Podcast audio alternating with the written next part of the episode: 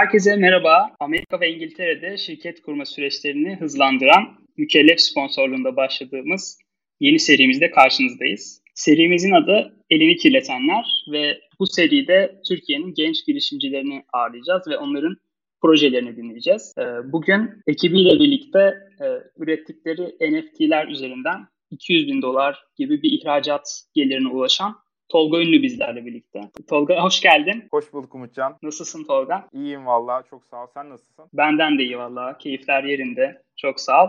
Valla şimdi 2-3 e, bülten önce sana yer vermiştik Tolga. İşte NFT'ler üzerinden e, başarıya ulaşmıştın. Onu yazmıştık ve birkaç bülten geçtikten sonra bu başarı katlandı. Yani sanıyorum 50 bin dolarlardan 200 bin dolarlar seviyesine çıktı. Ee, yani oraya geleceğim ama NFT tarafına geleceğim ama hani önce böyle seni biraz tanımak isteriz. Yani sen e, biraz baktığımda çünkü e, geçmişinde girişimlerle dolu, projelerle dolu. Hani televizyona çıkmışsın, projelerini anlatmışsın. E, bir sürü e, oyun firmaları kurmuşsun yanlış görmediysem. E, hem bunlardan bahsetmeni isteriz. Yani sen kendinden, kendi istediğin gibi böyle bahsetmeni istiyorum sadece. Tamamdır. Çok sağ olasın. Çok teşekkürler. İsmim öncelikle Tolga Ünlü. Ben 19 yaşındayım. 20 yaşına gireceğim. 2019 senesinde Denizli Cumhuriyet Anadolu Lisesi'nden mezun olduktan sonra İstinye Üniversitesi Dijital Oyun Tasarım bölümü e, okumak için İstanbul'a taşındım. Yaklaşık bir 6 aylık bir İstanbul serüveni oldu aslında benim için. Ben lise hayatım boyunca birçok proje yarışmalarına katılıyordum ulusal ve uluslararası. Bu dönemde de sürekli İstanbul'a ziyaret etmek zorundaydım ve genellikle 2-3 günlük ziyaretlerdi. Ben dedim ki İstanbul'a eğer taşınırsam, üniversite tercihimi de aslında ona göre yaptım. Ee, orada çok daha iyi bir network elde ederek daha iyi yerlere gelebileceğimi düşünüyordum. İstanbul'a geldim ve İstanbul'un aslında bana çok da bir e, üretkenlik açısından yararlı olmadığını anladım. Çünkü çok fazla kalabalık insanın olduğunu. Sonra da 6 ay sonra tam aslında 10 Mart 2020 pandeminin ülkemize giriş yaptığı gün aslında ben memleketime geri dönmüş oldum. Bu zamanda aslında bizim 2019 Kasım ayında Red Bull Basement University adında bir yarışmamız e, yarışmaya başlıyorduk.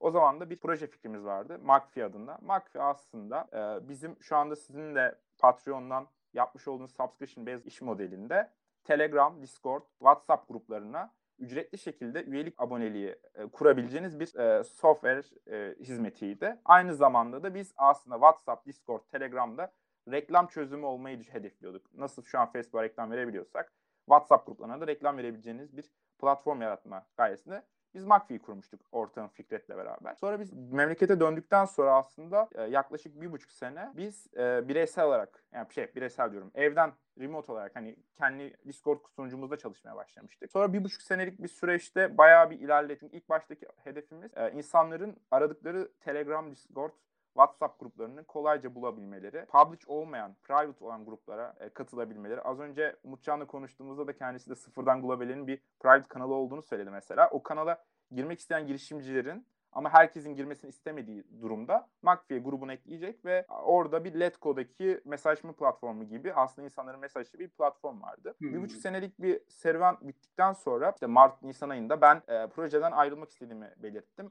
Çünkü e, yani tam olarak hayal ettiğim kıvamda gitmiyordu. Ben de o sırada bir 500 bin liralık bir yatırım almıştım McAfee. O sırada hisselerimi e, dijital oyun platformu e, kurucusu e, Sayın Okan Özbay'a e, devrederek, satarak aslında oradan bir exit yapmış oldum kendi çapımda, küçük, küçük çapta. Sonra o zamanlar benim bir arkadaşım e, vardı. Bu, e, ismi Şahin. Şahin bana demişti ki abi sen oyun geliştiriyorsun. Ben aynı zamanda kendim de oyunlar geliştiriyorum. Dediğim gibi benim aslında şu an bir İngiltere'de bir kurulu bir şirketim var. Momentum Games adında. O sayede Netmarble, Iron Gate gibi firmalara mobil oyunlar, prototipler satarak aslında McAfee sürecini e, finanse ettik. Çünkü McAfee'de yazılımcılar çalıştırıyorduk. Yaklaşık bir 15 kadar yazılımcımız vardı. Ekibimiz daha doğrusu 15 tane yazılımcı yoktu. 15 kişilik bir ekiptik ve onlara bir maaş veriyorduk. Momentum Games'ın evet. E, ve biz o kısımda o paraları aslında o sayede elde ediyorduk. Sonra biz birçok programa katıldık. Yatırımcılarla buluştuk. TÜSİAD Gençte İş Var programında son 10 e, projeye kaldık. Aynı zamanda Yeni Fikirler Yeni İşler'de de son 10 projeye kaldık ve ODTÜ Teknokent İşbirliği'nde sunum yapmış olduk. Sonra ben projeden ayrıldıktan sonra dediğim gibi Şahin'e dedi ki bana abi dedi sen oyun geliştiriyorsun. NFT diye bir şey var.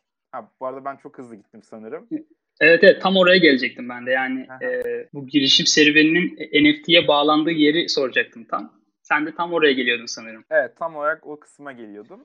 Ee, Şahin bana yazdığında dedi ki Abi ben tasarım yapıyorum ama tasarımlarımı işte bu arada Şahin e, çok iyi bir tasarımcı. Enes Batur, Rain Man, Berkcan Güven, Ali Biçim gibi YouTuber'lar, Uzi gibi, e, diğer Pala gibi rapçilere artwork yapıyor ve onlar kullanıyorlar. Bütün hani Spotify'daki çoğu şarkıda onun emeği mutlaka dokunmuş bir tasarımcıydı. Bayağı başarılı bir arkadaşımdı. Dedi ki NFT diye bir şey var. Nisan ayında bana söylemişti. Mart ayında da zaten dünya çapında NFT'nin patladığı aydı. İnanılmaz şeyler üretiliyordu.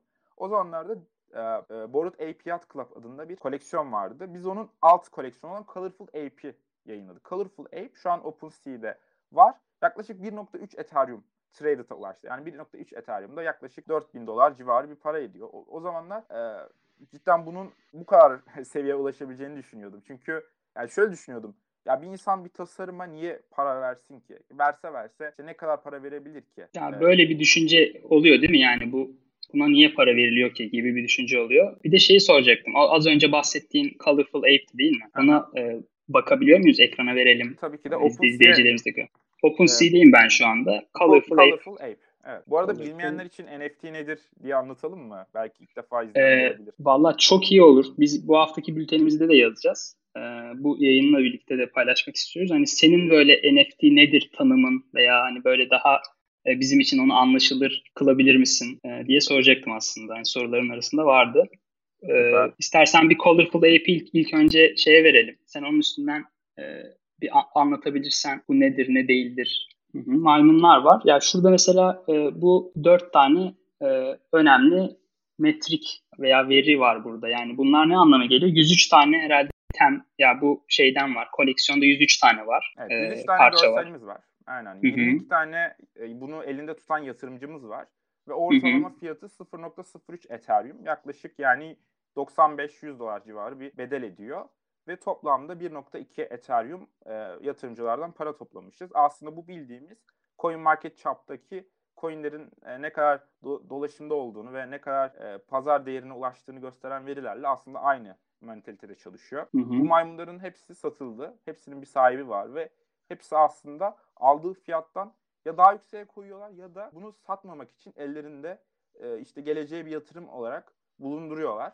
Genellikle hı hı. E, satma eğiliminde Türk e, kolektörler. Zaten Türkiye'den de çok fazla talep var bu konuda. E, şu anki Twitter'daki kripto para fenomenlerin büyük bir çoğunu NFT alanında ilerliyorlar. Çünkü e, coin sezonu coin'de boğa sezonu denilen bir sezon var ve fiyatlar inanılmaz derecede düştü şu anda. Çünkü Fed'in e, açıklamalarını ve diğer şeyleri bekledikleri için NFT piyasası da aslında o tarafta insanların para kazanabileceği bir araç haline dönüştü. Ee, Bizim ilk projemiz Colorful Ape'ti aslında. Ben NFT nedir konusuna tekrar dönecek olursam NFT aslında evet. benim için e, bir teknolojiye yatırım yapmakla aynı şey.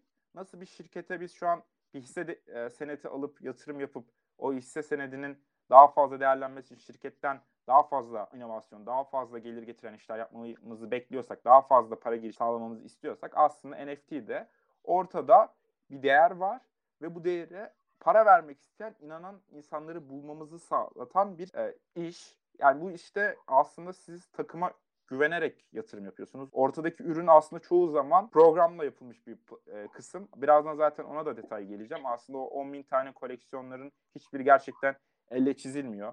20 tane el, 20 tane kol çizimi yapıp e, işte bacak, e, göz ve onları mixleyen programlar var. Hatta biz de yaptık ve bir sayede ihracat da yaptık. Hatta birazdan da bahsedeceğim. Hı hı. Aslında mesela bir coin çıktığı zaman diyor ki ben merkeziyetsiz bir teknoloji geliştiriyorum. İşte para Ne demek bu? Ne demek bu merkeziyetsiz teknoloji?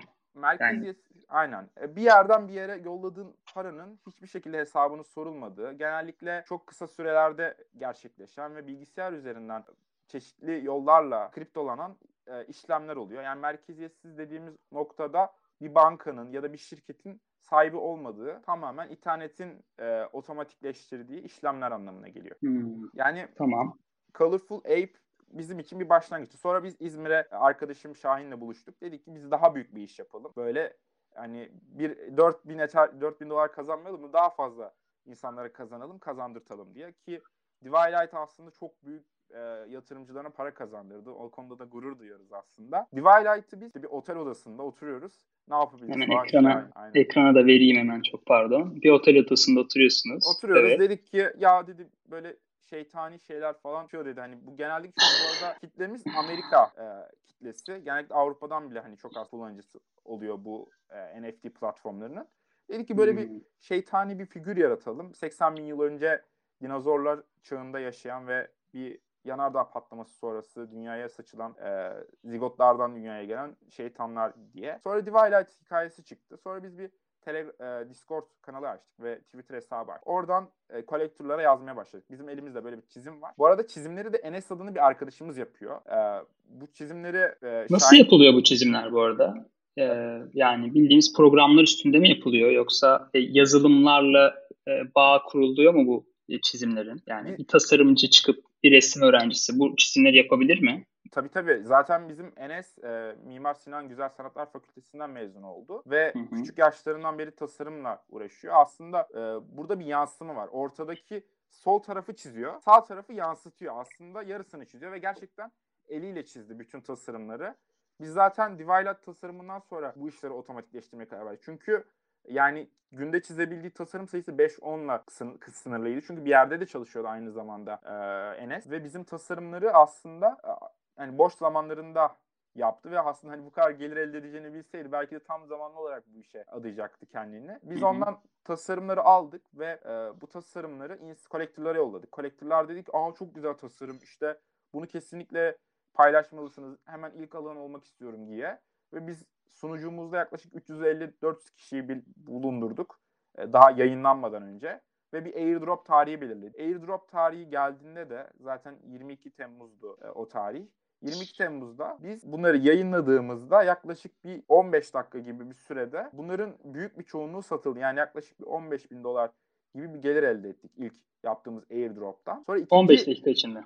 15 dakika içerisinde 15 bin dolar kazandık. Aslında oh. tabii çizimlerin e, yapılma süreci çok daha uzun. E, 15 dakika ürün hazır olduğu için. Sonra biz e, insanlar işte aldıkları bir şeyden daha pahalıya satmaya başladılar. Yani atıyorum 0.06 Ethereum'dan biz satıyoruz. Sonra alıyor bir gün sonra bir Ethereum'dan satıyor. Yani parası neredeyse 20 kat de- değerleniyor. Ve bunu gören insanlar daha çok Discord sunucumuza gelmeye başladı. Sonra ben o sırada da aslında LinkedIn'de paylaşım yaptım. Dedim ki bakın 15 dakikada 15 bin dolar kazandım. Daha fazlasını da e, kazanabiliriz. Türkler olarak bu sektöre girelim. Çünkü oyun sektörüne de aslında bu şekilde girdi. 2019 senesinde Onunla ilgili bir anım var. Onu da anlatmak isterim. Rol Tabii Games... oraya, oraya geçmeden küçük bir şey soracağım.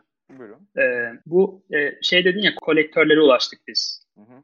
Yani, e, şimdi e, NFT'lerin e, satışı konusunda e, böyle bir hani checklist gibi bir şey yapmak gerekirse hani en son hep şey deniyor ya işte bunu tanıtın sosyal medyada. Hani siz bunu mesela promote etmeden 15 dakika içinde işte 15 bin dolarlık satış konusuna nasıl erişebildiniz? onu merak ettim, onu soracaktım. Ya aslında biz 15 bin dolardan daha fazla kazanabilirdik. Hatta bu para 150 bin dolar da olabilirdi. Aslında biz için acemisiydik. Şimdi işin ilerisinde şu an hani daha önce deneyimli olan birisi olarak eğer sıfırdan bir NFT yayınlayacak olsaydım bizim bir web sitemiz bile yoktu bu arada. İnsanların girip bakabileceği. Sadece bir Telegram kanalımız vardı, e, Twitter'ımız vardı, bir Discord'umuz vardı. E, bence ilk olarak özgün bir isim bulmalı. Bir de şöyle bir şey var. Aslında NFT dünyasında kopyalar bile çok iyi para kazanabiliyor. Belki de kopya yaparak başlayabilirler. Mesela bizim koleksiyonumuz dünyadaki en büyük koleksiyonlardan bir tanesi olan Bored Ape Yacht Club'ın bir yan ürünüydü. Mesela e, bizim e, ya, yani bizim müşterilerimizden bir tanesi olan Pixel Penguins adında bir koleksiyon daha var. İstersen onu da yayına verebilirsin. Hı hı. Fuji Penguins bu arada. Fuji Penguins. OpenSea'den. Şimdi olayı anlatacağım. Çoğu insanın aklında fikirler oluşabilecek. Yani bunu şey gibi düşünebilir miyiz? E, biz nasıl başarılı olduk gibi bir noktada e, söyleyebilir misin? Veya işte kısa bir sürede nasıl böyle olduk gibi bir e, çerçevede belki konuşuyoruz belki şu anda. Tabii. biraz daha toplamak adına. Ha tamam. O zaman şöyle biz e, çekilişleri çok fazla yaptık. Çok fazla çekiliş yaptık. İnsanlara hı hı. direkt müşterilerimize mesaj attık. Neredeyse 150-200 tane kişiye yazdık. Yazarken de çekinmedi. Dedik ki böyle hı hı. bir şey var. Sonra biz Clubhouse yayınlarına girdik. Kolektörlerin e, çok takıldığı NFT sınırı var. Yani Clubhouse'da yayınlara katılabilirler. Clubhouse'da çok fazla kolektör var. Twitter'daki NFT komünitelerini takip etsinler. Orada insanlar paylaşımlar yapıyor. Diyor ki NFT'lerinizi drop olarak altta bırakın. Ben aralarından beğendiklerimi paylaşacağım. O gerçekten insanlar paylaşıyor ve o sayede bir müşteri kitlesi ediniyor. Sonra bazı hmm. programlar var. Hani bir hesabı takip eden kişileri takip eden platformlar var. E, biz de aslında NFT ile uğraşan insanları takip ettik. Onlar bizi geri takip etti.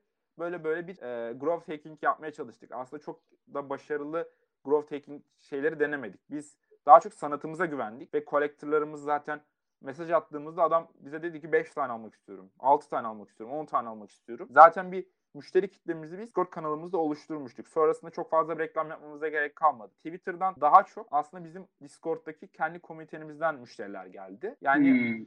açıkçası eğer sanatınız güzelse bunu e, insanlar alıyor. Bu arada Pucci Penguins evet e, burada tatlı çeşitli penguinler var. Aslında bazı koleksiyonlar white paper adı verilen biz işte şu tarihte şunu yapacağız. Oyun çıkartacağız. Oyunda e, başka karakter almak mümkün olmayacak gibi böyle hani insanlara, yatırımcılarına şeyler sunuyor. Aslında bu hiç sunmadı. Bu Pucci Penguins aslında çok başarılı bir koleksiyon. Sonra bizim bir arkadaşımız e, Rusya'dan bize mesaj attı. Dedi ki ben Pucci Penguins'lerin pikselini yapacağım. Yani şu gördüğünüz görselleri sadece bir program vasıtasıyla piksele çevir. Ve bu programı da aslında e, biz yaptık. E, Python'la kodladık ve ona teslim ettik. Pixel Puji Penguins yazarsanız o da çıkacaktır. Ve o bile yani şu an e, yani milyonlarca dolarlık bir gelir elde etti. Yani aslında sırf sadece şu gördüğünüz koleksiyonları piksellesini yaparak ya da ne bileyim gülenini, somurtanı yaparak bile aslında gelir elde edebilirsiniz. Yani burada e, özgün olma şeyi yok. E, zorunluluğu yok. Ama şöyle bir şey var. Mesela bazı insanlar şey diyebilir ya Shutterstock'taki bulduğum görseli indirip yükleyeyim de şey olur e, satılırsa gelir ederim. Aslında öyle bir şey yok. O şekilde olan e, şeyleri, sistemleri otomatik olarak OpenSea gibi platformlar tespit edip engelliyorlar. Hı hı. Sonra ben e, bu Divayat projesinde ikinci drop'u yaptık. Üçüncü drop'u yaptık. Yaklaşık bir 50 bin dolarlık toplamda satışa ulaştık. Yani şu an gördüğünüz sistemde 60 Ethereum bir traded var. Bu 60 Ethereum traded'ın 20 e, Ethereum'u aslında biz geliştirici ekibe geldi. 4 kişilik bir ekibiz. Burkan e, bizim sonradan dahil oldu. Colorful Ape'in biz Instagram'da bir paylaşımı yapmıştık. İşte satışlar geliyor falan diye böyle. Ama İngilizce hesap. Sonra Burkan bize mesaj attı. Aa siz de mi Türksünüz? Falan. Oradan tanıştık.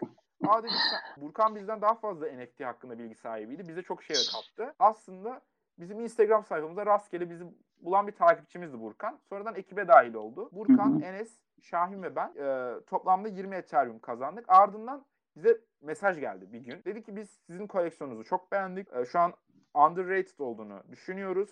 Bunun daha büyük bir başarıyı elde etmesi için biz onu balinalar vasıtasıyla daha yüksek fiyatlardan insanların koyduğu şeylerden toplayacağız piyasadan. Tamam. Hmm. Çünkü satış sistemlerinden %7,5'luk bir komisyon geliyor bize ve hiçbir şey yapmadan biz aslında hem yatırımcılarımıza verdiğimiz sözü gerçekleştireceğiz. Yatırımcılar 20 kat para kazanacak. Bir koyduysa 20 alacak. Yani biz de para alacağız.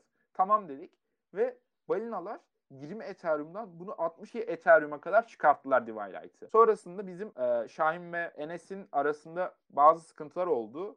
E, gelir paylaşımı konusunda. Enes çünkü çizimleri Aa. yaptığı için aynen ekip o yüzden dağılmak zorunda kaldı. Biz Üzücü. Evet maalesef e, bazı business yaptığımız için aslında business'ta böyle şeyler olabiliyor. Biz e, Burkan ve Enes'le yolumuza devam etmeye karar verdik. Burkan ve Enes'le yaptığımız e, bir diğer proje ise aslında biz bu az önce gördüğünüz penguinlerin tamamı aslında programla yapılan penguinler. Ortada aslında bir e, elle çizim yok. Biz hı hı. E, Burkan'la beraber Burkan'ın çok iyi yazılımcı arkadaşları var. Bizim de 50, 50 kişilik bir Discord sunucumuz var bu arada.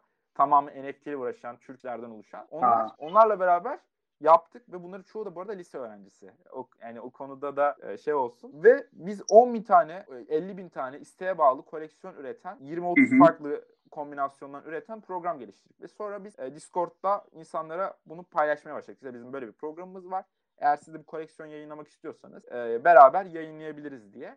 Ve sonra biz bu sistemi işte 10 bin koleksiyonluk bir e, şeyi yaklaşık 7 bin dolara falan sattık. Yani 10 bin koleksiyonu yaptırmak için bize 7 bin dolar ödediler. 2 Ethereum gönderdiler. Mesela bununla ilgili yayınlanan birkaç proje de var. Onları da istersen yayına verebiliriz. My Fucking Piggle e, diye bir koleksiyon var. Bu da aslında hı hı. bizim yapmış olduğumuz program vasıtasıyla yapılan e, bir koleksiyon ve çok başarılı oldular. Hani aslında bir referanslarımız arasında böyle şeyler girdi. Sonra biz Inglourious Cat adında bir koleksiyon daha yayınladık. E, ardından Craft Lab adında bir koleksiyon. Şu an aslında NFT sektöründe çok yüksekte olan bir akım var. E, Art Blocks diye pardon. Art Blocks mu? Art diye mi geçiyor? Evet. Art Blocks. Aynen. Art Blocks e, normal hayattaki müzayedeler gibi sanat eserlerinin yayınlandığı bir müzayede aslında. sadece gerçekten Instagram'da ya da işte normal hayatta gördüğünüz o sanatçıların e, çizimlerinin paylaşıldığı çok büyük bir koleksiyon. Şu an belki de bence en başarılı koleksiyonlardan bir tanesi olacak. Onun benzeri bir koleksiyon yapmaya çalıştık Craft Lab adında. O da hı hı. aslında bizim hani şu anda üzerine çalıştığımız projelerden bir tanesi. Sonra biz Kulakar adında bir e, NFT projesi, Metaverse projesine giriştik. Bunda da aslında yapacağımız şey şuydu. Biz Twitter'da başarılı değildik. Onu gördük aslında. Twitter çünkü sadece bizim kolektörlerle mesajlaştığımız bir yerdi. Biz Discord'da çok güçlü bir komiteye sahip. Ve o kadar güçlü bir komiteydik ki yani oradaki şu insanların çoğu NFT'de gerçekten iyi başarılar elde etmiş insanlardı ve direkt paraya harcamaya bizim ekibe güvenen insanlardı. Biz de bir araba projesi Metaverse üzerinden Gizli mi Discord? Discord evet. komiteniz gizli mi? E, evet. Ama McAfee'den e, şey kullanıcı topladık yani. McAfee'de hala benim aslında bir payım var. McAfee hatta bana attığım mailde de McAfee mailini görmüşsündür. Evet ee, evet. Yani oradan community topladık. Ee, oradan yaklaşık bir e, 150 bin dolarlık bir gelir elde ettik pre-sale'dan. Yani 50 bin dolar aslında şöyle. E, yani para parayı aslında burada söylemek ne kadar mantıklı bilmiyorum ama aslında şöyle söyleyeyim. E, parayı biz kullanıcılara kazandırmadığımız sürece biz para kazanamıyoruz. Yani o kadar koleksiyonlar yayınlanıyor ve o kadar sanat eserleri yayınlanmasına rağmen başarılı olmamasının asıl büyük sebebi arkasında insanlara yatırım yapmaları için bir sebep sunmamak. Biz Hulakar'da aslında bir Formula 1 e, oyunu hazırladık. Bunu da 10 Ekim'de yayınlayacağız. Hatta belki de bir sonraki bültenlerinizde e, yayınlamış olursunuz. Or Tabii ki. E, biz kendi sitem üzerinden mintlettik. E, OpenSea gibi bir platforma yayınlamadık. Çünkü hı hı. çok fazla rekabetin olduğu bir alan NFT artık. Yani bir şey çıktığı hı hı. anda kopyalanmaması mümkün değil. Bizim hiç satış almamış koleksiyonlarımız bile kopyalandı. Benzerleri yapıldı. Ee, ve hani ben artık e, bu işin nereye gideceğini de bilmiyorum. Çünkü Çinliler ve Hintliler şu an bu sektörde çok aktifler ve kopyalıyorlar. Biz de aslında bu projenin kopyalanmaması için ve oyunun hı hı. geliştirme süreçlerine devam etmesi için bunu pre-sale yaptık. Ee, Orada kopyalanamaz diye bir şey yok mu aslında? Yani kopyalanamaz diye bir tabir yok mu bu sektörün içinde aslında? Aslında evet ama burada e, yani en ufak bir çizik nasıl yazılımda da aslında hani e, benzerlik anlaşmasına gidip hani davalara sebep olabiliyor ama aylar yıllar sürebiliyor gibi. Burada da aslında ufak üzerinde değişiklik yaptığınızda sıfırdan bir NFT ürettim deyip çıkabiliyorsunuz. Aslında olay e, tasarımların tamamen kopyalanması değil. İş modellerinin hızlı şekilde kopyalanması. Çünkü rakipler Hı-hı. çok güçlü. Yani e, buraya sıcak para sürekli akıyor. Yatırımcılar çok ilgi duyuyor. Anderson Horowitz'le biz görüştük bu arada. Çok garip bir hikaye oldu. Ee, onu hikaye anlatmak isterim. E, kimdir kendisi? Ee, Anderson Horowitz. Onu bir tanıtalım. E, Anderson Horowitz'ten Jacob Similis e, görüştük. Jacob Similis. Ta, tam olarak soyadını şeyden sonra veririm. Ama aslında bizim projelerimiz için görüşmemiş. Bizi e, LinkedIn'den bulmuş beni daha doğrusu. Kolektör mü kendisi? Yok hayır. Hem Anderson Horowitz'te çalışıyor hem TCG'de yatırım işlerinden sorumlu olarak çalışıyor. Yani onların ticket size'ları böyle 100 milyon dolarlık yatırım yapan bir şirket. Ee, bizle görüştü. Öyle şöyle oldu. Ee, bana bir gün mesaj geldi. Baktım orada da hani bizim e, koleksiyon adı Colorful Ape. Bizim asıl büyük koleksiyon adı Borut Ape Yacht Club. E, bize şey yazmıştı. Merhaba işte ben Borut Ape Yacht Club e, için ya- yazmıştım falan. Ben onu görmemişim. Ben Colorful Ape için ya- konuşmak istiyor zannettim. Sonra ilk başta baktım profiline. Gerçekten böyle en son yaptıkları yatırımlar 150-200 milyon dolar civarlarında. Dedim e, bizle görüşmeye çalışıyor falan. Ben ilk başta inanamadım. Sonra dedim ki e, yani CRM programı üzerinden otomatik olarak gelen bir mesaj zannettim. Ve şey yapmadım. Sonra bir mesaj daha geldi. İşte sizinle tanışmayı çok isteriz. Çok başarılısınız falan. Yani milyarlar üreten bir sistem olduğu için aslında ona yatırım yapmak çok mantıklı. Yani biz de görüşmek için geldik böyle. Biz kendi projemizi anlatıyoruz. Böyle 4000 dolar kazanmışız. Adam e, bizi milyarder olan bir proje zannetti ve biz onu anlattık böyle falan. Çok hararetli 35-40 dakika boyunca dinledi bizi. Bize tavsiyeler verdi ve yayın bitti. Biz sonra e, ben kaç ay önce LinkedIn'e girip mesajlara bakarken gördüm. Meğersem bizi milyarlık proje zannettiği için bizimle görüşmüş. Öyle bir garip bir anımız da oldu. Ha. Yani aslında hani oyun şirket hatta şöyle bir şey var. Anderson Horowitz'te bu işle uğraşan bir Türk e, Ali Yahya var. Kendisi de şu an e, bu, e, kripto fonunun baş yöneticisi. Yani Türkler de aslında hem iş tarafında hem üretim tarafında burada bulunuyor. Dün Webrazi'de bir haber gördüm. Ee, bir tane e, başarılı bir tasarımcımız adını şu an unuttum. Bayağı büyük bir koleksiyon çıkartıp 20 bin Ethereum toplamış ee, ve daha da büyümeye devam ediyor. Yani NFT'de yapılabilecek şeylerin daha belki de yüzde biri ya da binde biri yapıldı. Çünkü hı hı. E, yani Bored API Club, e, CryptoPunks gibi koleksiyonlara şey deniyordu. İşte bunlar artık e, top noktası. Bundan daha iyisi yapılamaz diyordu. Sonra Art Block geldi. Sonra e, böyle hiçbir şekilde tasarımın olmadığı buna dalga geçen bir e, proje geldi. Adın isim hafızam çok iyi değil. Adını tam hatırlayamadım ama ya da mesela bomboş bir şey satıyorlar. Bomboş yani ekranda hiçbir şey yok. Diyor ki bomboşluk ve insanlar buna gidip 4000 dolar 5000 dolar para harcayabiliyorlar. Bu çok ilginç bir şey. Yani aklını hayali almayan bir şey. Ben bile ilk başta bunu Şahin'den duyduğumda dedim ki yani insanlar niye bizim tasarımlarımızı para verip almak istesin? Sağ tıklayınca fotoğrafı kaydedince e, bilgisayarımızda olmuyor mu? diye böyle o kafayla düşünmüştüm. Hatta şöyle olmuştu. E, biz işte Instagram hesabına fotoğrafları paylaşacağız promote etmek için. E, ben Hı-hı. fotoğrafları istedim. Ya dedim e, fotoğraflara gerek yok. Zaten OpenSea'de sağ tıklayıp kaydet dedim mi bilgisayarıma iniyor. O şekilde paylaşabilirim evet. dedim. Ya dedi onun meta ID'leri falan filan var deyip beni aslında başta e, engellemişti. Yani hmm. e, NFT işinde baya bir hani gelecek var. Bizde şu an hem Hulakar tarafında hem de bir aslında bir fantezi futbolu projemiz daha var. Yani aslında hı NFT tarafında proje geliştirmeye devam edeceğim. Şu anda henüz çok başındayız. Ee, ama hani Süper. bu tarafta da software as a service geliştirilebileceğini de belirtmek isterim. Yani sıfırdan globali izleyici kitlesinden izleyenler varsa insanların hem bunu pazarlayabilecekleri tool'lara ihtiyaçları var. Ee, hem bunun üretiminin yapılacağı böyle Canva kadar basit insanların herkesin tasarım yapabileceği bir sisteme ihtiyaç var. Yani sınırsız Hı-hı. şey üretebilirsiniz ve e, Amerika pazarı direkt yani zaten herkesin hayali olan pazar ve Hı-hı. inanılmaz derecede bir kullanıcı edinimi elde edebilirsiniz. Çok düşük e, reklamlarla. Süper. Böyle söyle söyleyebilirim. Çok güzel söyledin valla. Tam e, böyle e, o tarafa gelecektim ben de hani hani hem böyle bir şey var, pazar var. Direkt Amerika pazarı, direkt ihracat yapma şansı var. E, o tarafa gelirken hani biraz böyle elimde sorular var. E, aslında onları da biraz eritelim. E, şey tarafı mesela bu hani ödeme alma kolay mı falan diye hep insanların kafasında soru olur. Veya nasıl ödeme alacağım? Platformlara girişler nasıl oluyor? Çıkışlar nasıl oluyor? Oradaki ödemeler, gas fee diye bir şey var galiba. Böyle e, özetle bunları da bize anlatabilir misin? Yani ben sıfırdan işte NFT yaptım. Bir tane site buldum. E, bir koleksiyon yaptım kendim atıyorum. 100 parçalık. Onu yükleyeceğim şimdi. E, ama hani nasıl ödeme alacağım bilmiyorum falan. Burada tıkandım yani. Böyle kaldım. Ne yapabilirim ben? Nasıl Tabii. ödeme alabilirim? Nasıl giriş yapabilirim? Tabii. Aslında şöyle bizim e, benim de önceden e, YouTube'la uğraşırken e, bir oyun kanalım vardı. O zamanlar biz introya da işte fotoğraflar falan tasarladık. Selfie, Gumroad gibi platformlara koyup satış yapardık. Aslında o zamanlar kredi kartı ya da PayPal'la ödeme kabul ediyorduk. Artık platformların asıl olayı kripto parayla ödeme kabul etmeleri. Ve Ethereum'un aslında bu kadar 4000 dolarlara kadar yükselmesindeki asıl sebep e, Mart ayındaki o Ethereum çılgınlığıydı. Ethereum çılgınlığında yani insanlar NFT Ethereum'la tanıdı. Ama şu anda aslında bu paralar Solana, Avax gibi ya da Polygon gibi gas fee'nin çok daha düşük olduğu platformlara kaydı. Aslında bence yakın gelecekte eğer Ethereum 2.0'a geçilemezse o platformların devam edeceğini düşünüyorum. Gas fee'ler e, aslında bilgisayar e, üzerinden işlemi yapacak kişinin o işleme ne kadar öncelik verdiğine göre değişen fiyatlar. Yani bildiğimiz Bitcoin'deki transfer fee'si gibi. Normalde e, OpenSea'ya kayıt olduğunuzda hem gas fee bir de yaklaşık e, gas fee kadar bir ücret ödüyorsunuz. Yani aslında iki kat. Atıyorum şu an bir gas fee 20 dolarsa bir de 20 dolar daha OpenSea para ödüyorsunuz. OpenSea kayıt ücreti. Ve toplamda hı hı. 40 dolara aslında OpenSea'de koleksiyon koyup bunu satabilecek konuma gelebiliyorsun. Ve her bir tasarım için ayrı para ödemiyorsun. Diğer platformların aksine. OpenSea'nin bu kadar popüler olmasının sebebi de aslında e, bir tek ödemeyle birçok farklı e, satışa sunabilme özgürlüğü. Diğer platformlarda her satışta 40 dolar ödemek zorundasınız. Yani o 0-1 sente bile koysanız o ürünü o parayı ödemek zorundasınız. Ve alan kişi de ödemek zorunda.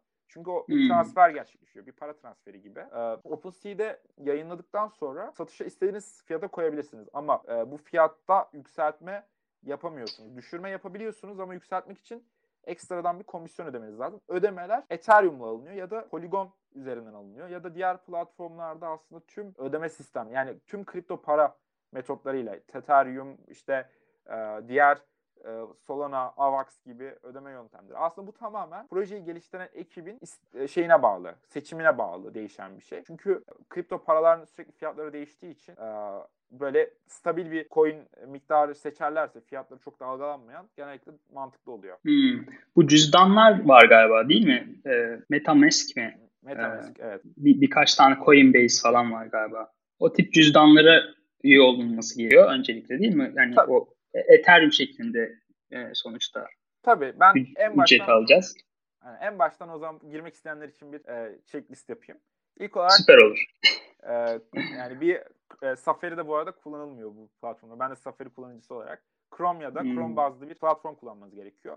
MetaMask ya da MetaMask benzeri cüzdan e, eklentisi yüklemeniz gerekiyor. Çünkü bu tarz sitelerde o coinleri tutmanız için bir cüzdana ihtiyacınız var.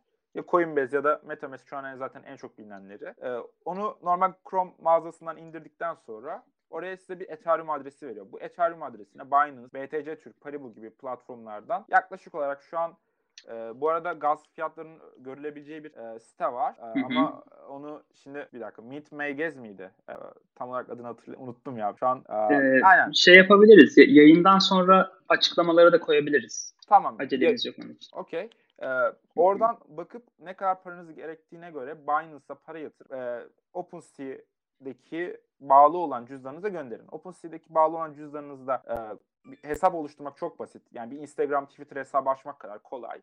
Hesabı açtıktan sonra bir isminiz oluyor. Bu isim, bu hesap bir bireysel hesap. Sonra bunun altında bir mağaza oluyor. Mağazanın ismi daha önce olmayan bir mağaza olmalı. Hani oradaki domain mantığında aynı isim ikinci kişiye alamıyor. Sonra o ismi bulduktan sonra sosyal medya hesaplarını da açmanız ve oraya bağlamanız gerekiyor. Sonra aynı normal Instagram'a ya da YouTube'a fotoğraf, video yükler gibi tasarımlarınızı yükleyebiliyorsunuz. Üç boyutlu modeller konusunda aslında şu an çok biraz geliştirmesi açık ama e, ya video ya da fotoğraflarda neredeyse bütün platformatları destekliyor. Sonra onları yükledikten sonra e, meetlenmiş oluyor aslında o platforma. Bir kerelik eğer satışa sunmayacaksanız hemen aslında o parayı da ödemeniz gerekmiyor. Satışa koyacağınız anda aslında o şey ödemeniz gerekiyor. Genellikle e, Amerika'da akşam olan, bizde sabah olan saatlerde gaz fiilleri çok düşük oluyor. Çünkü işlem çok az olduğu için o saatlerde o saatlerde takipçilerin e, onu yapmasını tavsiye ederim mutlaka. Sonra yayınladıktan sonra e, sosyal medyada artık o tasarımları büyütmek, e, satmak, müşteri bulmak kalıyor. A- hani aslında satışa koymak çok basit ama satmak zor asıl olan kısım. Ama hani satarken de aslında yaklaşık ortalama bir 70 dolar bir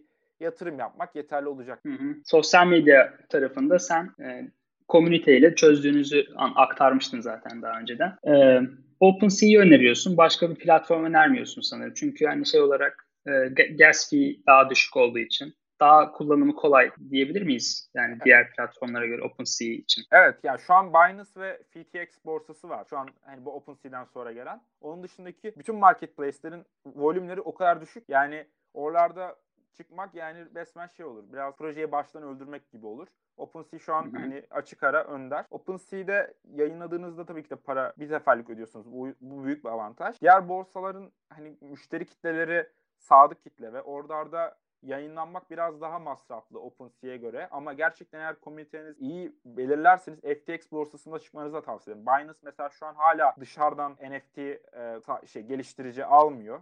E, e, sadece kendi anlaşmalı olduğu yaklaşık 100 tane tasarımcının tasarımlarını yükleyip satıyor. Onlar da aslında hala bir açık beta döneminde diyebilirim. FTX borsasında da yaklaşık bildiğim kadarıyla bir 500 dolarlık bir yatırım yapmak gerekiyor FTX borsasında yayınlamak için. Ama FTX borsasında daha büyük paralar kazanılabilir. Çünkü orada insanlar gerçekten hani işlem çok fazla yapıyorlar ve çok daha büyük. Hani e, piyasa belirleyiciler aslında orada bulunduğu için. Ama şu an hani OpenSea ya da FTX'i öneririm. Hı hı. Şey platformun aldığı bir komisyonlar var mı veya işte vergi veriyor muyuz? Öyle konular böyle açıklığa kavuşmuş bir Tabii. E, şey var mı? Bir açıklama var mı? Tabii biz şöyle yaptık aslında. Biz e, ülkedeki varlık barışını kullanarak aslında ülkeye e, o parayı soktuk. Bizim e, Türkiye'de olan bir avantajdan yararlanıp zaten bunu %0 vergiyle de hani vergilendirilebilir. Şu an şöyle e, OpenSea bütün satışlardan %2,5 komisyon alıyor ve ilk seferde kayıt olurken bir yaklaşık 35-40 dolarlık bir onlara bir kayıt ücreti ödüyoruz. Bu bazen 200 dolara da çıkabilir, 500 dolara da çıkabilir. Gerçekten platform yoğun olduğu saatlerde çok yükselebiliyor ama eğer çok aceleniz yoksa bekleyebilirsiniz. 35-40 dolarlara kadar düşecek OpenSea ödediğiniz ücret. Biz defalık OpenSea ücret ödüyoruz ve ö- bütün satışlardan yani atıyorum birisi yatırımcı aldı ve onu tekrar satıyor. O durumda da aslında %2,5'luk bir komisyon e, alınıyor. Hani bu komisyonla aslında OpenSea şey yapıyor ve bu geliri e, istediğiniz bir borsa üzerinden çekebilirsiniz. Burada tavsiyem Wise kullanmanız. Wise sizin için işleri hızlandırıyor ve daha düşük komisyon almanızı sağlıyor. TransferWise kullanmalısınız.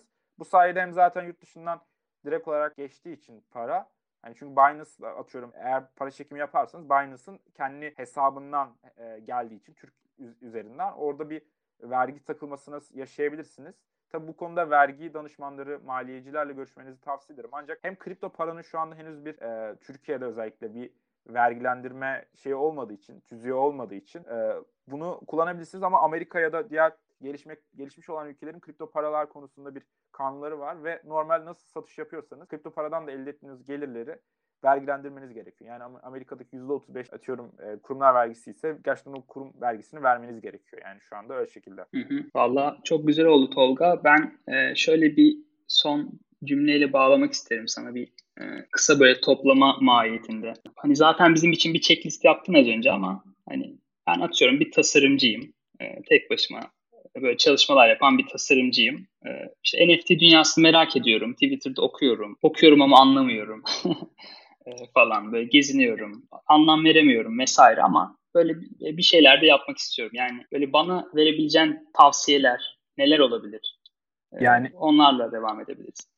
Tabii. Şöyle bizim tasarımcımız olan Enes'i zaten e, buraya davet etmemdeki sebep oydu aslında. Bir de tasarımcı gözünden anlatmaktı. Ama ona yayından önce sordum ne anlatabilirim yayında diye. O da bana şu tavsiyeleri verdi. Kendisi yaptığı işlerde bir tam zamanlı bir yerde çalışıyordu ve kazandığı para zaten belliydi. Ancak bu NFT sektöründe kazanacağınızı gerçekten kendiniz belirliyorsunuz. Bir tasarımcı yaptığı tasarımlara gerçekten bir anlam katabiliyorsa e, burada para kazanabilir. Burada İngilizceleri çok iyi olmalı. İngilizcelerinizi geliştirmeniz gerekiyor. Sonra e, Twitter ya da diğer sosyal medya hesaplarına bence çok fazla bakmanızı tavsiye etmiyorum. Çünkü orada sürekli bir akış var ve kendinizi yetersiz hissetmenize sebep olabilir. Size tavsiyem e, Discord'daki bütün başarılı olmuş ya da böyle gözünüzde kestirdiğiniz güzel OpenSea'deki koleksiyonların Discord sunucularına girin ve insanlar orada neler konuşuyorlar. Oradan yatırımcılara direkt bir mesaj atıp bak benim böyle bir tasarımım var. Ee, ne tavsiye etmezsiniz edersiniz diye mesaj atmaları. Sonra ardından yaptıkları bir marka ismiyle yani Discord'da bir sunucu açıp da yaptıkları tasarımları yükledikleri bir Discord sunucularını bu sunucuların Kill Your NFT kısımları oluyor. Oralarda paylaşmalarını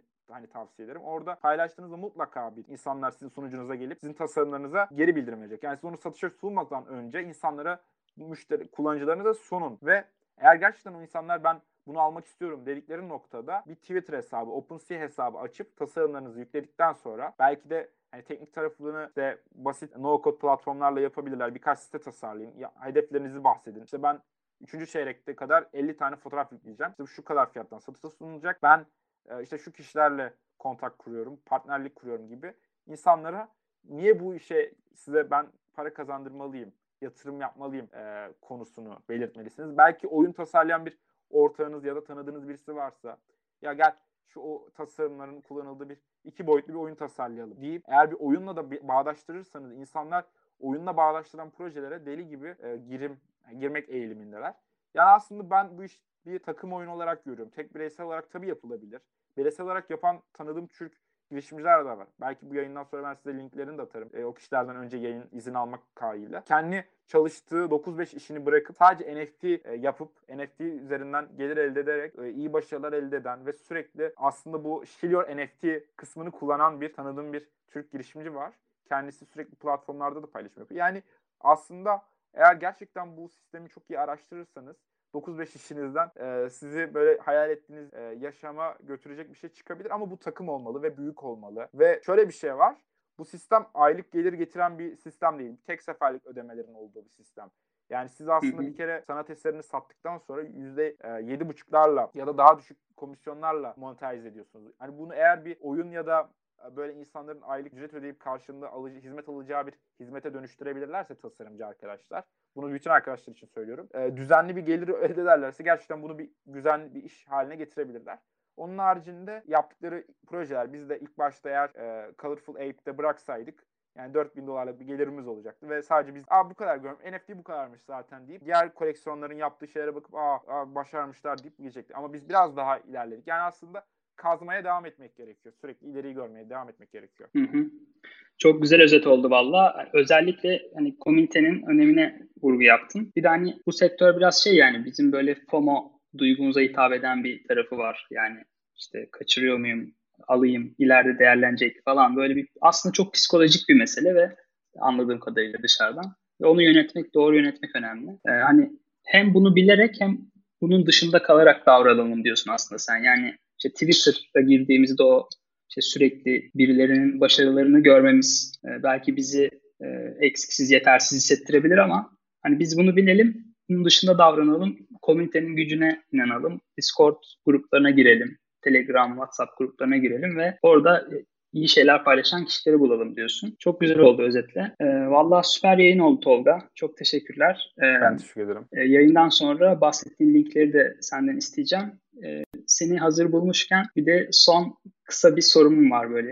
E, bu 52 letenler konseptinin en sonunda böyle katılımcıya bir tane kısa bir soru sormak istiyoruz. E, altta da geçireceğim şimdi. Tolga, zaman makinesi mi yoksa sihirli değnek mi?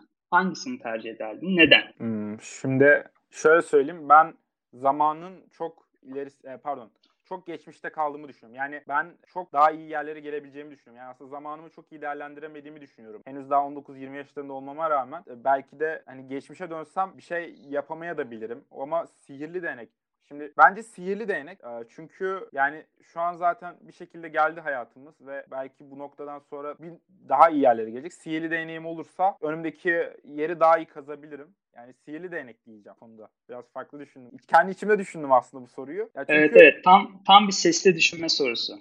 Evet evet ama hani şimdi şöyle söyleyeyim. Yani ben e, oyun geliştirmeye aslında 12-13 yaşında başladım. Yani bu şimdiye kadar çok çok iyi yerlere gelmem gerekiyordu.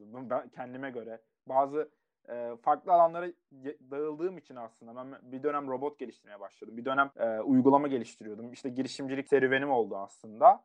Yani farklı farklı alanları denemeye çalıştım. Kendimi bulma macerası içerisinde yer aldım. Çünkü o yüzden zaman makinesiyle geri dönseydim o anki aklım olsaydı e, yani büyük ihtimalle hala kendimi keşfedememiş olurdum. O yüzden şu an kendimi nasıl ilerleteceğimi bildiğim için sihirli değnek işaretliyorum. Süper. Vallahi çok teşekkürler cevap için Tolga. Ben teşekkür ederim. Evet, Elini Kirletenler serisinin e, ilk bölümünün sonuna geldik. E, bugün Tolga konuğumuzdu. Bir sonraki bölümde görüşmek üzere. Türkiye'nin genç girişimcilerinin projelerini dinlemek üzere. Hepinize sevgiler. Görüşmek üzere.